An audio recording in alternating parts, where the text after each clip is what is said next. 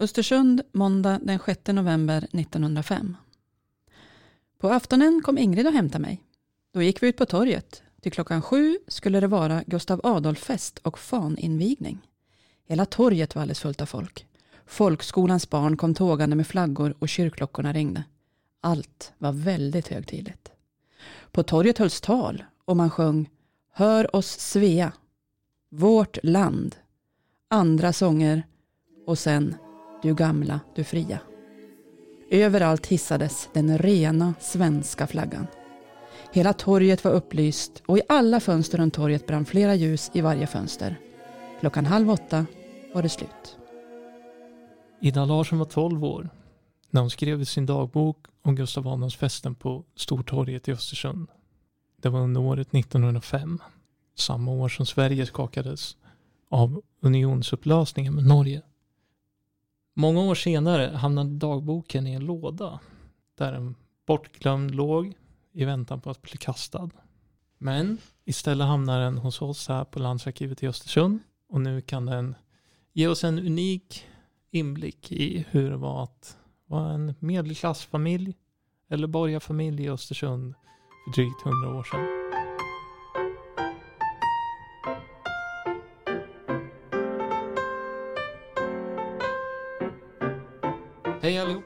Välkommen till Dokumenten berättar. Jag heter Martin Ahlström och med mig idag har jag Mia Nilsson. Hej hej. Hej. Idag ska vi prata om dagböcker i arkiven Ja, och vad de kan berätta. jag har ju med mig en väldigt speciell dagbok idag. Just det. Och det var ju den vi hörde lite grann. Och det här är ju en bok som eh, Ida Larsson skriver under hela året 1905. Alltså, dagböcker är ju inte så unika på arkiven. Alltså, det finns ju mycket dagböcker. Eh, så va? Mm. Men, eh, och, och det är ju många av dem som också berättar om vardagsliv på olika platser. Men det här är ju en ung flicka som skriver. Hon är alltså bara 12, hon ska fylla 13 år det här året 1905. Och det är lite Just unikt. Ja, Mm. Så det är lite roligt. Ja. Det, det är mycket gubbigt när det gäller dagböcker. Och, Hur, hur menar du då? nej, men jag tänker, det, var väldigt många som förde dagbok, men då kunde det vara typ en väderdagbok. Alltså man var bonde och man hade lite koll på vädret helt enkelt. Nu har jag satt potatisen. Ja, ja lite grann så. Och, och man skriver lite grann om vädret varje dag. Mm. Och det är fantastiskt material för klimatforskare kan jag tänka mig. Jo, jo, visst. Ja. För det finns ju från så många olika platser också. Ja. Ja. Dagboken, ja. Ja, jag har ju med mig den här. Och Mm. den eh, är ju, när, när man eh, får se den så blir man som lite överraskad. Eh, det här är ju alltså dagboken som Ida då fick av sin tant Emma. Nu prasslar det lite här för den ligger nämligen i ett omslagspapper här ja. i sin lilla arkivbox. Eh, och när man ser den så blir man lite förvånad. Den är liksom smal och hög. väldigt avlång. Ja, guld, Guldfärgad. guldfärgad Ja, och. Japan-inspirerat. Det är en geisha på, det är blommor, eh, lite så. Och det, ja, det är inte så konstigt. Nej. Eh, det var många formgivare och modeskapare som Mm. vid den här tiden var väldigt inspirerade av Japan och Orienten. Så det, det är ganska logiskt Mm. att det är ett Japan-mönster på. Mm. Tittar man, Det drar lite åt körsbärsblomshållet. ja, jag där. tror att det ska kanske vara körsbärsblommor på den. Ja. Och tittar man i så är det ju otroligt. Åh herregud. Ja. Det där går ju knappt att läsa. Nej, men det är en jättefin handstil. Ja, väldigt fin handstil är det. Ja. Alltså jag tittar på ett uppslag här. Eh, och handstilen är väldigt fin. Men det första som slår mig är hur liten den är. Det är otroligt snirkligt, eh, prydligt och tätt, tätt, tätt skrivet. Här har man verkligen maximerat eh, ytan som man kan skriva på. Mm.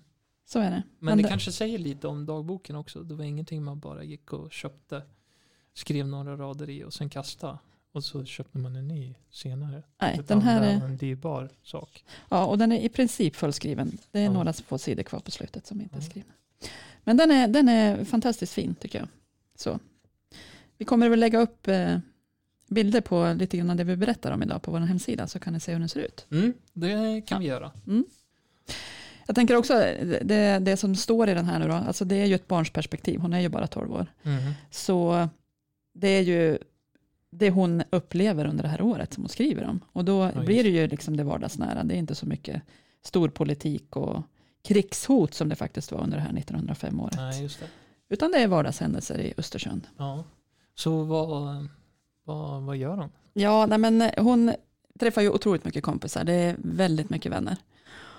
Och det är ju till exempel att man eh, går på café, Mhm. äter bakelser, Mm. dricker kaffe. Mm, o- Okej, Ja, Men de är 12 år ja och dricker Ja. kaffe. och Ja. dricker kaffe. Mm. Ja, det var en annan tid kanske. En annan tid. Otroligt mycket kaféer i stan fanns det. Så att, Ja, eh, det. det. fanns lite att välja på också. Eh, sen är det ju faktiskt så också att det är ganska mycket gotter, alltså godis. Godis ja. Mm. Det, det är nästan varje dag faktiskt. Hon skriver om detta. Ja, men det, det är lite så här fascinerande ändå. Apropå socker idag och sådär. Men det. det. var inte så mycket bättre förr. Nej, Nej hon, det kanske inte fanns några gränser där förutom de rent ekonomiska eller? nej, så kan det ju vara. Eh, jag tänker också tandborste. Ja, ja, ja. Nej. ja. Hur var det med hennes tänder? Ja, alltså hon skriver ju faktiskt att hon går till tandläkaren. Ganska ofta. Eh, nej, det ska jag inte säga att det var ganska ofta. Men, men eh, kunde bli en segsliten historia om jag säger så då. Att hon eh, i mars så skriver hon att hon ska gå till tandläkaren och laga en tand. Mm. Och när hon sitter där i stolen hos tandläkaren så har han ju gjort en plomb som han ska fylla tanden med. Den tappar han på golvet. Så han kryper omkring där på golvet den här tandläkaren medan hon sitter och väntar och letar den här plomben. Och han Okej. hittar inte den. Nej, så att hon, hon får gå hem. ja, Och så får hon nej. återkomma en annan dag när han har tillverkat en ny. Hon- Ja. Det är väl ingen stor grej. Hon får gå hem med med en uppborrad tand. Ja, men precis. Ja. Ja. så så kunde det gå. Men hon kommer tillbaka sen och får tanden lagad i alla fall.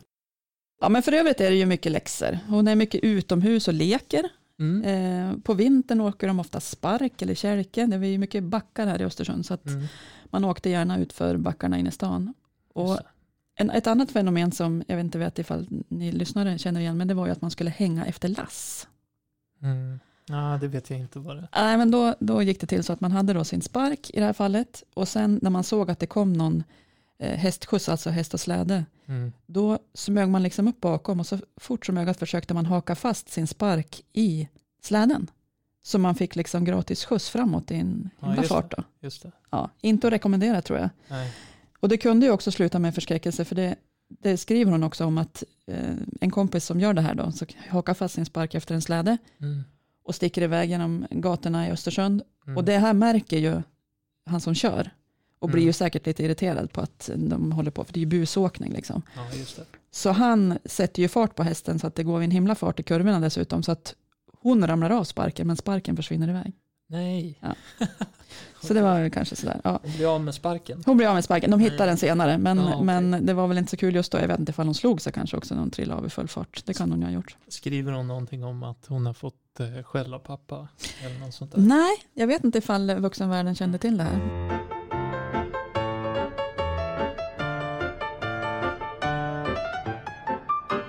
Så det här är ju en eh, privilegierad familj får man väl säga. Ja. Så vi brukar jämföra Ida lite grann med Madicken, Ja. om ni känner till den karaktären. Alltså, eh, Ida, Idas familj har det ju väldigt gott ställt. Mm. Eh, hon är ju själv en, en eh, näst äldst i syskonskaran, så de är, Mm. de är, när dagboken börjar skriva är de sex flickor Mm. och i slutet på året då är de sju.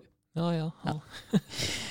Eh, men pappa Per i alla fall då, som eh, äger ju fastigheten som de bor i till exempel. Mm. Och han eh, driver också en framgångsrik verksamhet med flera anställda. Okej, vad gör han? Ja, han är finsnickare från början. Så han, Jaha. han gör alltså inredningar och reser runt faktiskt också och får pris för att han är eh, duktig på det här. Jaha, oj. Ja. Eh, Men sen så byter han lite inriktning. Han kör lite parallellt ett tag men till sist så, så byter han helt och så då, då blir han begravningsentreprenör. Så han slår upp då en begravningsfirma då i Östersund. Ja. Och tillverkar kistor? Ja, Eller? precis. Ja. Och han har liksom hela begravningen och kan även ha Jaha. annonserna som man ser i, i han, han har det, då är det ju en bild på en häst med vagn där man liksom skjutsar kistan till kyrkan och så. Så Ja, han ja. har hand om Mm. hela, hela arrangemanget kan man säga. Mm. Mm. Okej. Sen Idas mamma då, hon hette Kristina, hon var ju hemmafru, det var ju vanligt i sådana här Ja. medelklassfamiljer, Ja, ja. borgarfamiljer. ja, det var väl normen. Eh, Hon, hon jobbade ju inte då. Och Nej. dessutom så var hon sjuk. Mm. Svårt sjuk, så hon kommer Mm. att dö eh, några år efter den här dagboken skrivs. Det är det ju ingen som vet 1905, men, men så Nej, nej. blir det. Men Nej. det ska vi återkomma till lite grann. De bodde på en adress som heter Prästgatan 12 Ja. och fastigheten som finns kvar än idag då, det är en ganska vanlig modell för just eh, 18, ja, tidigt 1900-tal. Okej. Eh, tvåvåningshus med lägenheter på övervåningen där Just det. familjen då bodde. Mm. Och sen hade man då sin verksamhet, om det var en handelsbod eller någonting annat verkstad eller någonting då, Mm. rakt under. Mm. Och så var det här fallet också då. Så att eh, familjen bodde uppe och sen hade de den här begravningsbyrån då Ja. på nedervåningen. Jag har ju sett en, en, eh, en beskrivning av Östersunds centrum Mm. under det här, Mm. den här tiden. Mm. Och då är det som att eh, varje hus, nästan varje kvarter har en egen innergård och Mm. De har stall och det är kanske lite höns och det är lite gräsmatta, och odling, en brunn Mm.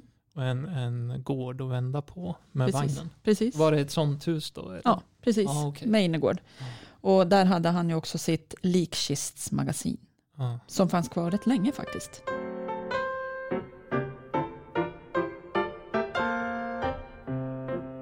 Jag är lite nyfiken på den här kvällen på torget. Vad, vad är det som egentligen händer då?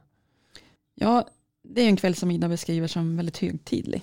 Ja, Och föremålet för festen är ju kung Gustav Adolf. Han firades ju varje år med Gustav Adolf fest, så det var ju som inget nytt. Eh, nej, nej. Men just det här året, 1905, så är det liksom lite extra. Den här med unionsupplösningen, alltså man är, man är ju väldigt lättad över att det faktiskt inte blev något krig, för det fanns ju ändå hotet hela året om att det skulle kanske smälla. Ja, just det.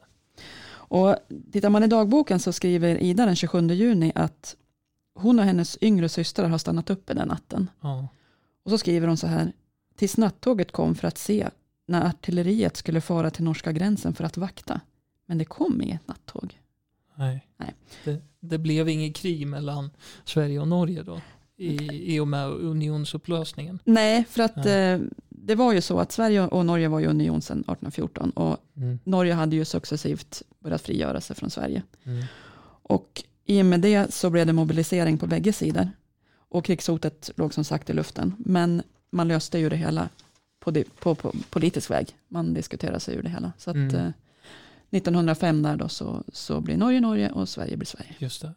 Vi klarar oss. Vi klarade oss och, och, och det speciella just den här kvällen då, eh, när de var där på torget, det var ju att flaggan skulle hissas. Som hon skriver då i dagboken, den rena svenska flaggan. För tidigare hade det ju varit infällt då på den norska flaggan en bit av svenska flaggan och tvärtom då. Ja, Eh, men den här kvällen så skulle de då få se flaggan så som vi är vana att se den för första gången. Så det var ju väldigt speciellt. svenska flaggan så som den ser ut idag. Mm, precis. Ja, Man kallade ju den flaggan, unionsflaggan kallades ju för sillsalladen. okej. Ja. Lite skämtsamt så. Men eh, i och med att unionen var upplöst så, så fick ju Norge sin norska flagga och Sverige fick ju sin svenska flagga. Så som vi var då. ja. Och det här med att hissa flaggan, det, det var ju också lite nytt. Eh, tidigare så hade man ju sett att flaggan den hörde hemma till sjöss. Alltså på land skulle man inte ha flaggor utan det var något som hörde sjöfarten till. Eh, men kungen, kung Oscar II då, på 1800-talets slut, där, han hade låtit resa flaggstång vid slottet och bestämt att där skulle det flaggas varje gång han var hemma. Okej. Och Så det att man visste att han var hemma. ja visst, då kunde man gå förbi slottet, ja kungen är hemma, såg man att flaggan var hissad. Det där tyckte ju många var jätteknäppt så, och det protesterades vilt, men apropå just att flaggan hörde hemma till sjöss. Men eh, Mm. sen så kom ju svenska flaggans dag också då, först 1916 och sen så har vi ju, vi är vana att hissa svenska flaggan sen dess. Mm. Mm. Flaggdagar till exempel. Mm. Ja, hur var stämningen på torget? Ja, men jag tror att eh, den var rätt lättad. Alltså, kungen var ju väldigt deprimerad över det här. Det vet jag ju sen. Ja, man kan läsa om hur han slet ganska ont för att Norge hade gått förlorat. Okej. Så. Inte för att han inte fick krig. Nej, utan Nej. det var nog snarare att broderlandet eh, liksom hade frigjort sig. Kungen slet i alla fall rätt ont med eh, det här att Norge gick förlorat. Mm. Och eh, jag tror nog att befolkningen då var lättad över att det inte hade blivit krig. Ja. Så, så stämningen, stämningen var nog utifrån det tror jag. Vi slapp kriget. ja. Nej, men den här stämningen, jag vet inte vad vi skulle kunna jämföra med idag. Kanske eh, prisutdelning i skidskytte-VM kanske. Guldmedalj till Sverige, 30 000 på torget. Ja. Lite så. Ja. halva befolkningen. Ja, halva stans befolkning. Mm. kanske. Ja, häftigt. Mm. Ja, men i dagboken då. ehm, hur var det att bo i Östersund då? 1905? Ja, men alltså Östersund, det är ju och var också en mer handels och hantverksstad än något annat. Alltså det Mm. vart aldrig någon industri här. Nej. Och järnvägen kom hit 1879 och innan dess då var det som en bondby. Med bondgårdar och, och Ja. fält och Ja, stora betesområden liksom, Just runt. Ja. Ängar. Stadstorget var fullt med stubbar och Stadsbäcken svämmade över varje år och sådär. Så det, det var liksom, ja men eh, hade man sett den hade man kanske inte sagt stad egentligen. Stubbar på torget. Ja, man hade inte hunnit liksom ta bort det sådär. Okej. Men 1905 då, då har ju jättemycket förändrats. Det är alltså Ja, eh, bara det att befolkningen har fördubblats på 25 år. Så det är ungefär 7000 invånare. det är en ganska mycket större stad. Ja, kossorna har försvunnit och liksom betesmarken är borta. Okej. Ja. Mm. Så det, det, ja, och bara järnvägen underlättar ju jättemycket ja, ja. med transporter det av folk och varor och byggnadsmaterial och sådär. Så. Och järnvägen, det återkommer ju ofta i dagboken faktiskt. Mm. så att man, man tog ju gärna tåget istället för häst och vagn. Så att eh, det. familjen åker mycket tåg. 31 maj. Jag steg upp klockan sex för jag, Anhild, Ingrid och Olga skulle fara till Levalund och binda kransar. Då jag kom till anhalten var ingen av dem där. Då tänkte jag gå och hämta Anhild, men jag mötte henne och Olga på vägen. Sen gick vi på anhalten för att vänta på Ingrid. Och när hon kom tog vi elva-tåget till Levalund. Anhalten, vad är det? Ja, men jag tänker mig alltså någon slags enklare av och påstigningsstopp, som en liten perrong bara. Och Evalund då, det är ju alltså familjens sommarhus strax utanför Östersund. Ah, De åker okej. tåg dit. Mm. Här i sommarhuset, där bor ju familjen, i alla fall mamma och alla barn under sommaren. Pappan Mm. jobbar ju inne i stan, men han, han kommer att hälsa på med jämna mellanrum. Men det Nej. fanns ju ett annat fenomen när det gällde järnväg. Okej. Ja. Man gick på spåret. Va? Ja, men alltså så här. På många ställen den här tiden så var det ju ganska dåliga vägar. Men då kunde man alltså köpa en gångbiljett För att gå på spåret? för att då? gå på spåret. Och det får man ju verkligen inte göra nu. Fy, fy, fy. Visar man upp den för tåget då när, Nej. när det kom? Det fanns ju banvakter då längs, längs spåret Ja, som okej. hade att inspektera sin bit av, av järnvägen. Ah, Och det var ju den då, personen som skulle ha koll på vilka som ja, använde järnvägen som promenadstråk. Liksom. De var ute och patrullerade. Ja, det och så såg de folk som kom gåendes. Mm, Visst, och, så skulle de, och det var ju hos honom också man löste den här biljetten förstår jag. ja. Ja. Men det låter ju nästan som någon slags reglering för att hålla folk borta ifrån eh, järnvägen. Ja, man, eh, I normala fall, eller i andra, i andra fall då, när tågen åker där. ja, nu går ju Ja. tågen, de hörs ju på långväg de här ångloken Jo. såklart och det, det, de går ju inte så fort. Nej. Så det är klart att man säkert hann hoppa undan ifall man nu var smög på järnvägen utan att ha Mm. biljett sådär. Att man inte Mm. hade koll på tidtabellen, vad vet jag. Mm. Men eh, nej, man skulle ha gångbiljett. Eh, och Ida och hennes kompisar, de får ju faktiskt eh, banvakten efter sig. För de är alltså går på järnvägen vid ett tillfälle och måste springa ut i skogen och gömma sig när han kommer Okej. springandes efter. De Okej. hade förmodligen ingen biljett. Nej. Ja, så De var uttråkade och bestämde sig för att gå på järnvägen. Nej, de skulle gå mellan varandra. Det var när hon var ute Ja, i scen där okej. i sommarstugan och skulle gå och hälsa på varandra. Så då, då gick de längs järnvägen, eller på järnvägen. Mm. Okej. Sen beskriver Ida en till resa med tåg faktiskt. Ja. Vart ska hon då? då? Hon, hon får följa med pappa faktiskt till Stockholm. Aha. Ja, det var inte så vanligt Nej. att man hade en sån lång resa. Men mitt i sommaren, 11 juli, då skriver hon så här. Idag steg vi upp halv två på morgonen för pappa och jag skulle fara till Sundsvall. Vi åkte droska till stationen och mamma och tant Emma följde med. Pappa sov på tåget men jag satt uppe hela tiden och tittade ut. Mm. Klockan sex på morgonen kom vi till Långe. Där fick vi vänta en hel timme på tåget som skulle gå till Sundsvall. När klockan var sju steg vi på tåget och for. Det var en lång bit från Ånge till Sundsvall. Jag stod ute i kup- kupén nästan hela vägen. Klockan halv tio kom vi fram till Sundsvall. Låter som att de tycker att det är spännande. Mm, eller hur? Kan inte sova, ska sitta och titta ut hela Nej. tiden. Ja. Och sju timmar för att resa ifrån Östersund till Sundsvall. Jag bara kliva upp halv två på morgonen för att Ja. åka tåg. Helt... Ja, Ja, det tar två och en halv timme idag. ja precis, precis. Ja. Sen är de då i Sundsvall under dagen. Eh, oklart vad de gör, men, men sen på kvällen då.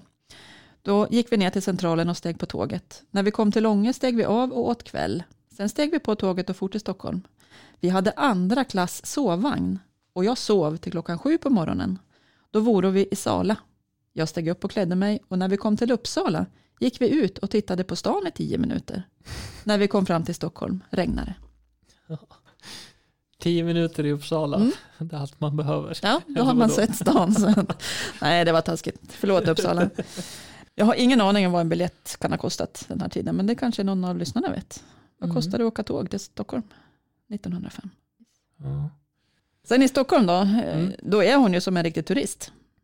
Hon Mm. beskriver att de är på Nationalmuseum och Livrustkammaren, Riddarholmskyrkan, Observatoriet. Hon tittar på isbjörnar på Skansen, köper jordgubbar i Vasahallen. Jaha. Ja. Ja. Och sen får hon faktiskt också se kungen. Det var då inte sådär att, att hon gick och letade honom på något vis eller Nej, nej. besökte honom utan han skulle helt enkelt åka tåg till Gävle och så hon gick förbi och såg honom. Ja, okej. Ja. Men vilken upplevelse att få Ja. åka till Stockholm liksom så här Jo, och vara jo. turist. Okej. Mm. Tandläkarbesök, fest och firande, åka till Stockholm med tåget. Vad står det mer om i eh, dagboken? Ja, men något som engagerar henne i flera dagar det är i slutet på augusti. Okej. Får se framför er nu då, den 29 augusti 1905. Jajamän. Idag var det barnens dag.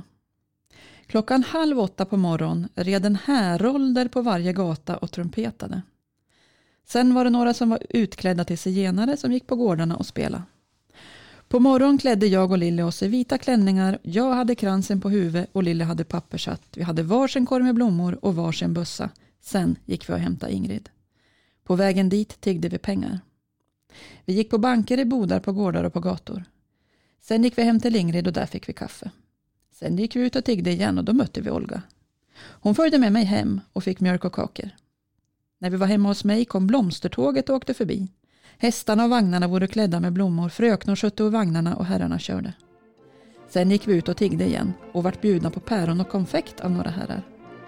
Halv fem gick jag hem och åt. På kvällen kom Olga och Ingrid och hämtade mig. Då kom ett gammaldags brudfölje och åkte på gatorna. Jag, Ingrid och Olga vore på Nytorget hela kvällen. Vilken dag! Ja, det är Ja, en hel dag. det är en hel dag. En himla massa tiggande. Ja, det här tiggande kan man ju fundera kring. Elever som, som jag läser det här för, de tror ju att Ida ska ha pengarna själv. Men Mm. så är det inte, utan det här är Östersunds stad som samlar in pengar i samband med det här arrangemanget. Mm, det. För Östersunds stad har planerat att köpa in en sommarkoloni, en barnkoloni Mm. i södra Sverige på västkusten. Mm. Så hela här, den här dagen med alla de här trevliga gratisaktiviteterna som Ida också beskriver då, Ja. det har ju som en betydligt allvarligare baktanke. ja, just det. Ja. Eh, och det här med en härold, vad är det för någonting?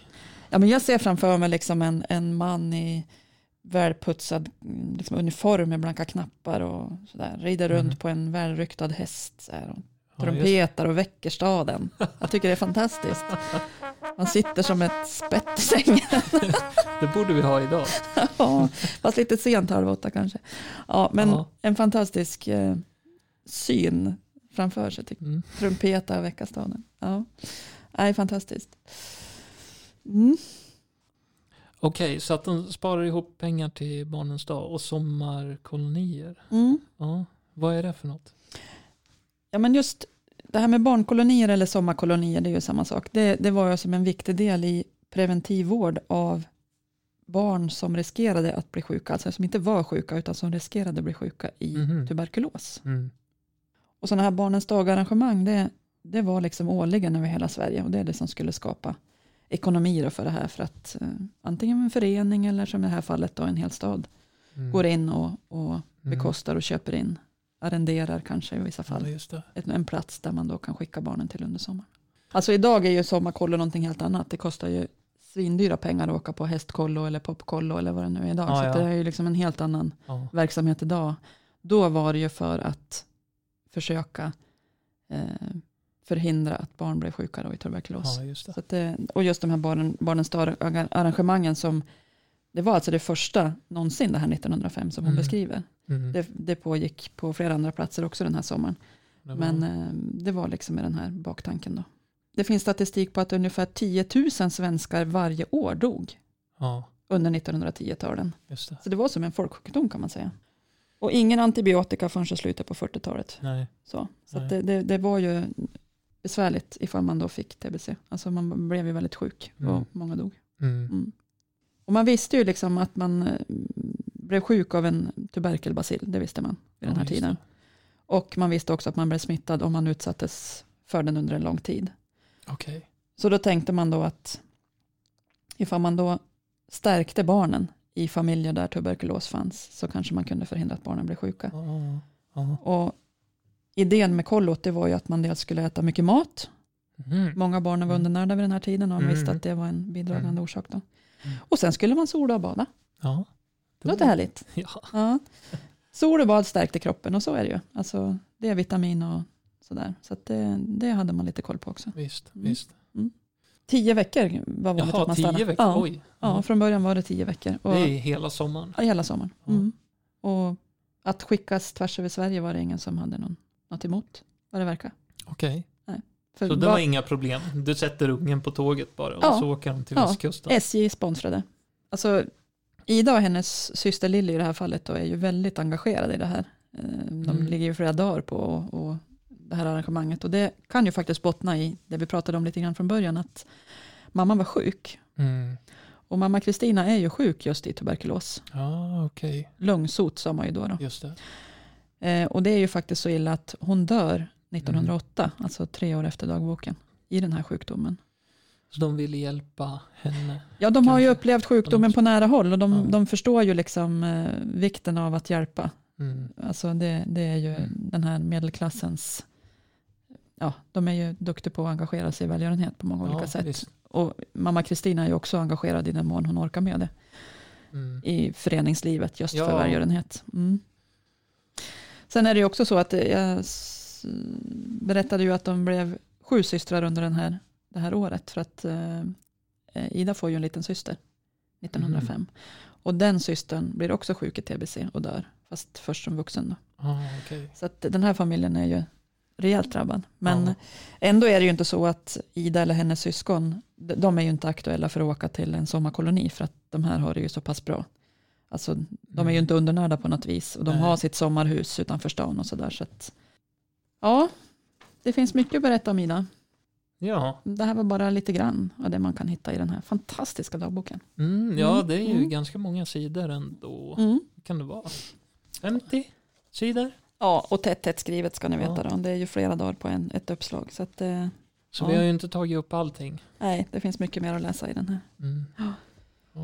Så är det. Jättefin eh, dagbok. Mm. Och det är ju roligt att höra en, en ung flickas ja, erfarenhet Mm. av stadslivet Mm. och hur det var att vara 12 år Mm. under början av 1900-talet. Mm. Ja, men jag undrar lite hur det är idag egentligen med dagböcker, om det verkligen förs. Så där har jag hört talas om att ungdomen idag är dåliga på att använda det skrivna språket. Det är mest språk i digital form eller typ Facebook, Instagram sådär och så vidare. Mm.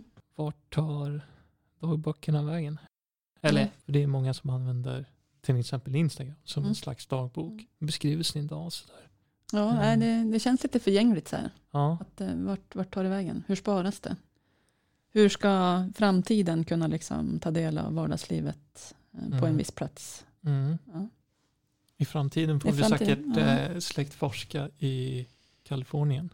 Åka till Silicon Valley och be dem ta fram den gamla filen på Martin Ahlströms Instagramkonto. Ja,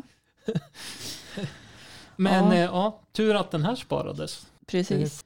Och att vi har den är ju en fantastisk historia. Ja, ja precis. Berätta om det. Hur, hur kom den hit? Ja, men det var så här att först så hade vi en kopia av dagboken. Mm. Och då var det inte ens arkivet utan det var Jamtli, alltså museet som ligger granne. Ja, okej. Och då var det Idas son, Gösta, som hade Ja. redan skrivit mammas dagbok. Och sen hade han lämnat in en enkelt hophäftad kopia ja, som- I pappersform. i pappersform. Han ville att, att eh, det skulle liksom sparas. Just så. Och sen var det så att eh, Jamtli och arkivet eh, skulle skapa ett nytt skolprogram och då hittade vi den här dagboken på Jamtli och så Mm. gjorde vi ett skolprogram och då tänkte vi flera gånger när vi höll på att göra researchen, tänk, tänk om vi skulle haft originalet. Mm. Kan vi lita på kopian? Just det. Hur, hur såg originalet ut? Alltså, så här, hur såg Ida ut? Ja. Alltså det var många sådana här frågor som, som kom fram. ja.